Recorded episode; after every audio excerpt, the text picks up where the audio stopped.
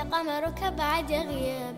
في الجنة فتحت أبواب. يا مساء الخير عليكم جميعا وكل عام وأنتم بألف خير. مبارك عليكم الشهر. الله يعود علينا كل عام بالصحة والعافية والبركة يا رب. صلوا معاي على الرسول صلى الله عليه وسلم في البداية. كلنا نعرف صفات رسولنا الكريم صلى الله عليه وسلم العامة كيف. إنه ولي الخلق وكيف هو قائد وكيف ذكي وكيف يعرف يتعامل في الشدائد والمعارك بدهاء وحنكة وكيف هو مع أصحابه وكيف مع أعدائه.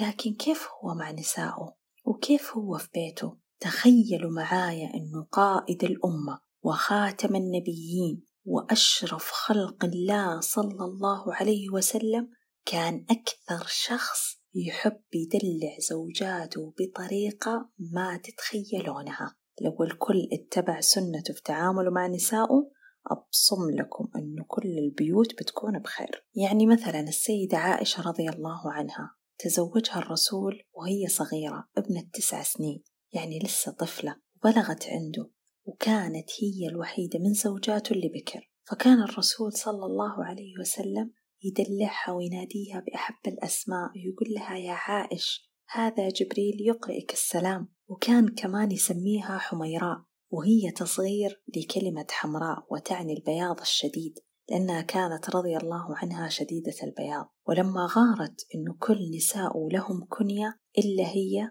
زي أم سلمة وأم حبيبة فكناها الرسول بأم عبد الله. نسبة إلى عبد الله ابن الزبير ابن أختها أسماء لأنها رضي الله عنها ما ولدت للرسول أبناء. وفي مرة دخل عليها الرسول صلى الله عليه وسلم وكان جاي من غزوة تبوك أو خيبر. فهتك الستر الذي نصبته على بابها. يعني كانت حاطة زي الستار على بابها فوخر الستار هذا أو كشفه. فشاف عرايس كانت تلعب فيها. والله أعلم يعني هي كيف كانت هيئة العرايس هذه إما أنها كانت من الصلصال أو من القش. المهم أنها كانت شيء يشبه العرايس واللعب. فسألها ما هذا يا عائشة؟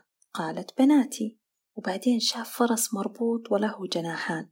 فقال ما هذا؟ قالت فرس. قال فرس وله جناحان؟ قالت له ألم تسمع أنه كان لسليمان خيل لها أجنحة؟ فضحك صلى الله عليه وسلم. يعني جاي من غزوة غزوة يحارب فيها المشركين والكفار وحرب. ما دخل عليها وهو مكشر ولا دخل حط راسه ونام على طول.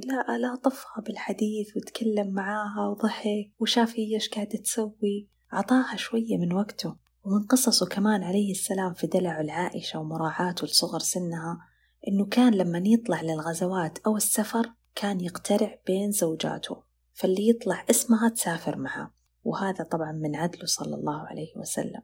فمرة طلع اسم عائشة وسافرت معه وهم في السفر طلب من القافلة إنها تتقدم وتسبقه. فقال لعائشة تعالي حتى أسابقك. فسابقته فسبقته فسكت عنها في وقتها. وبعدها بفترة حملت اللحم يعني سمنت كذا واستصحت وطلعت معاه في أحد أسفاره. فقال للناس تقدموا يعني اسبقوني. فقال لها تعالي أسابقك.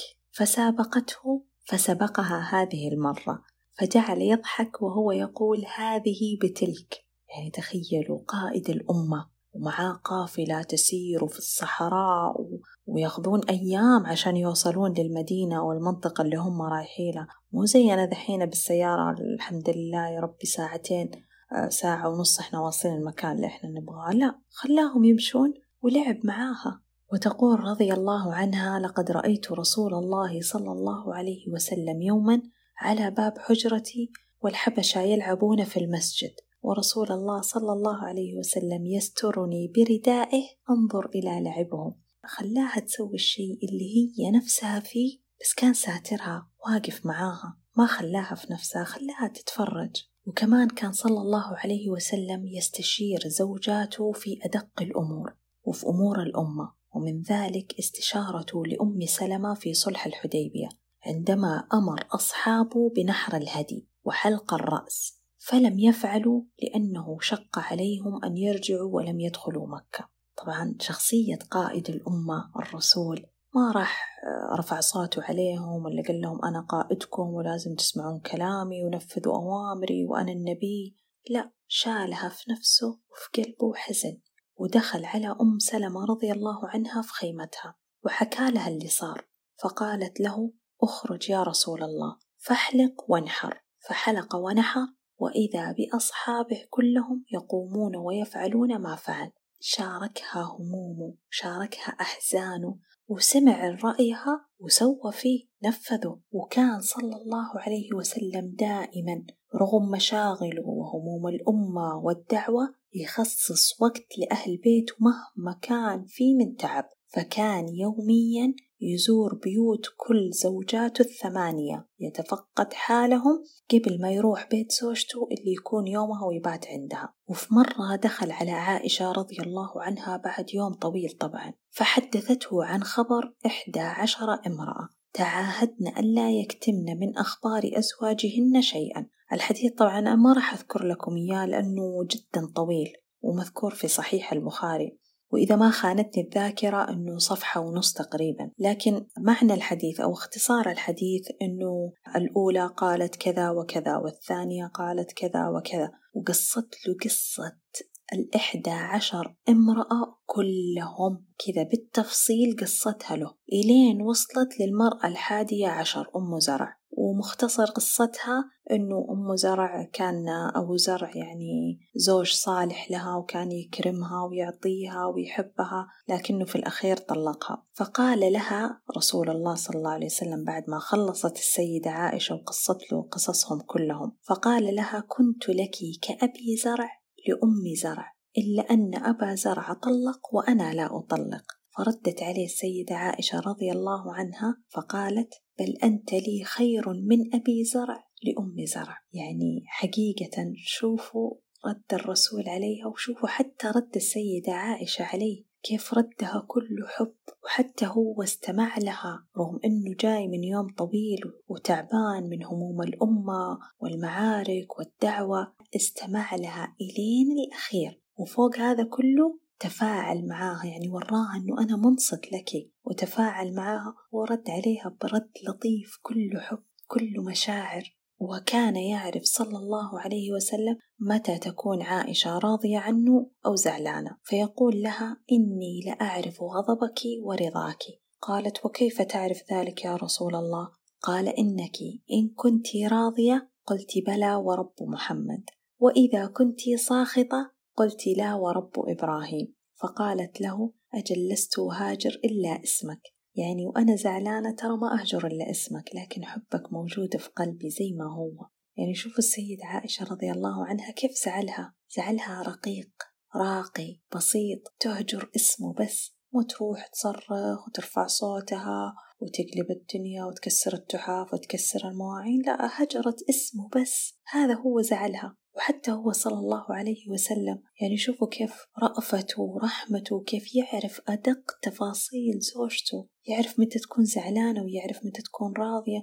يعني تظل إحداهن هاجرة له اليوم كله حتى تهجر اسمه الشريف. ومع ذلك يغض الطرف ويحلم. ويصفح وهو القادر على أنه يفارقهم ويبدل الله خيرا منهم. لكنه رحيم رؤوف بالمؤمنين. فكيف بأهل بيته؟ طيب تعالوا شوفوا معاي الموقف القوي هذا. من مواقف رأفته ومراعاته المشاعر زوجاته وغيرتهم وكانت السيدة عائشة رضي الله عنها أكثرهن غيرة. ففي يوم كان الرسول عند عائشة في يومها وكان عنده أصحابه. فأرسلت له أم سلمة طعام في صحفة يعني إناء. فجاءت عائشة من غيرتها وكسرته.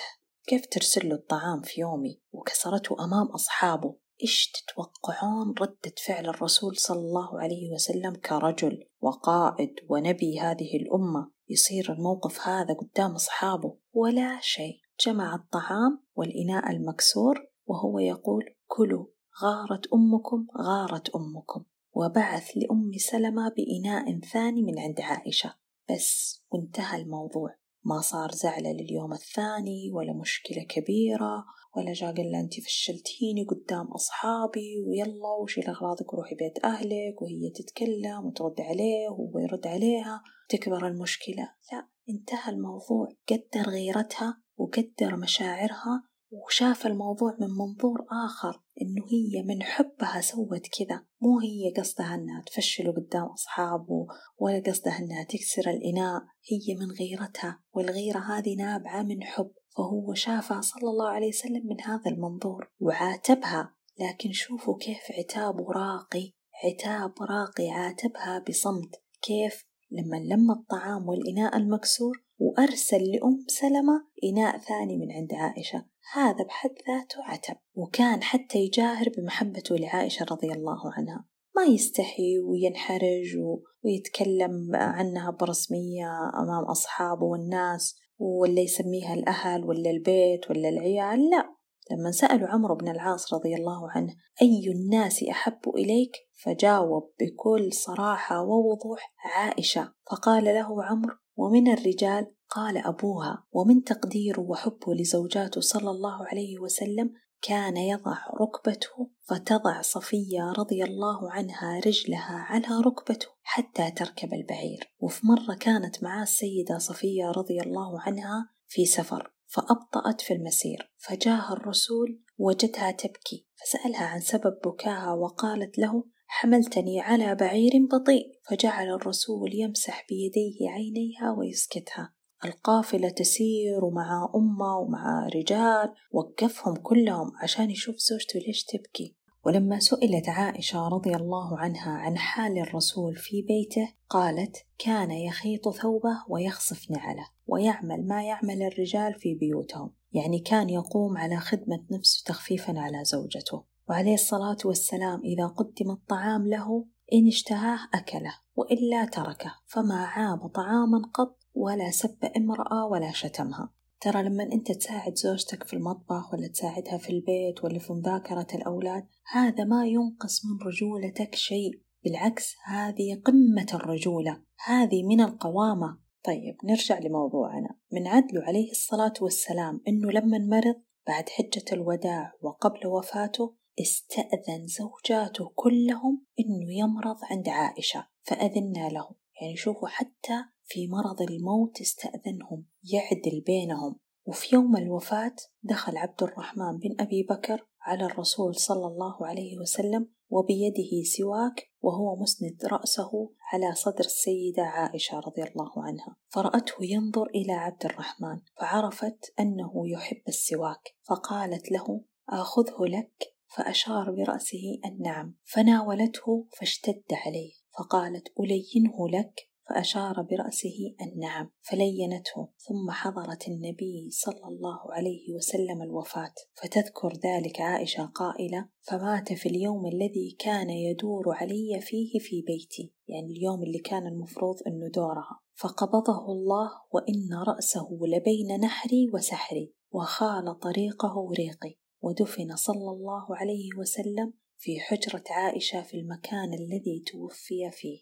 يعني والله ما قد قرأت أروع من قصة الحب هذه حب النبي صلى الله عليه وسلم للسيدة عائشة وحب السيدة عائشة للرسول.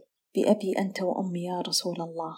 يعني ضرب النبي أروع نموذج في المعاشرة الزوجية فكان بحق نعم الزوج لزوجه وخير الناس لأهله. فقال خيركم خيركم لأهله وأنا خيركم لأهلي. وفي حجة الوداع وصى بالنساء فقال استوصوا بالنساء خيرا فإنهن عندكم عوان. آخر ما وصى فيه الرسول النساء. فأرجوكم أرجوكم يا معشر الرجال استوصوا بالنساء خيرا. واقتدوا بسنة الرسول صلى الله عليه وسلم في معاملته لأزواجه. فوالله والله إنك تملك المرأة. وبتكون سكن لك وبتعطيك أكثر مما تعطيها.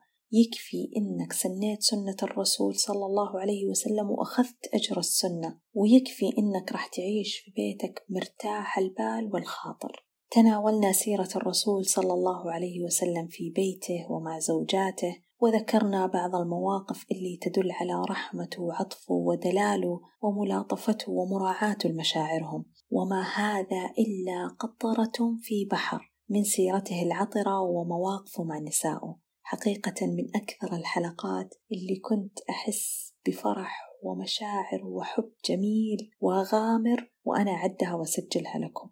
صلوات الله وتسليمها عليه. وأدرك شهر ذات الصباح فسكتت عن الكلام المباح. أشوفكم الأسبوع القادم في حلقة جديدة. وتصبحوا على ألف خير. أبواب. بهجة قلبي صفا روحي. رحمة ربي بدون حساب.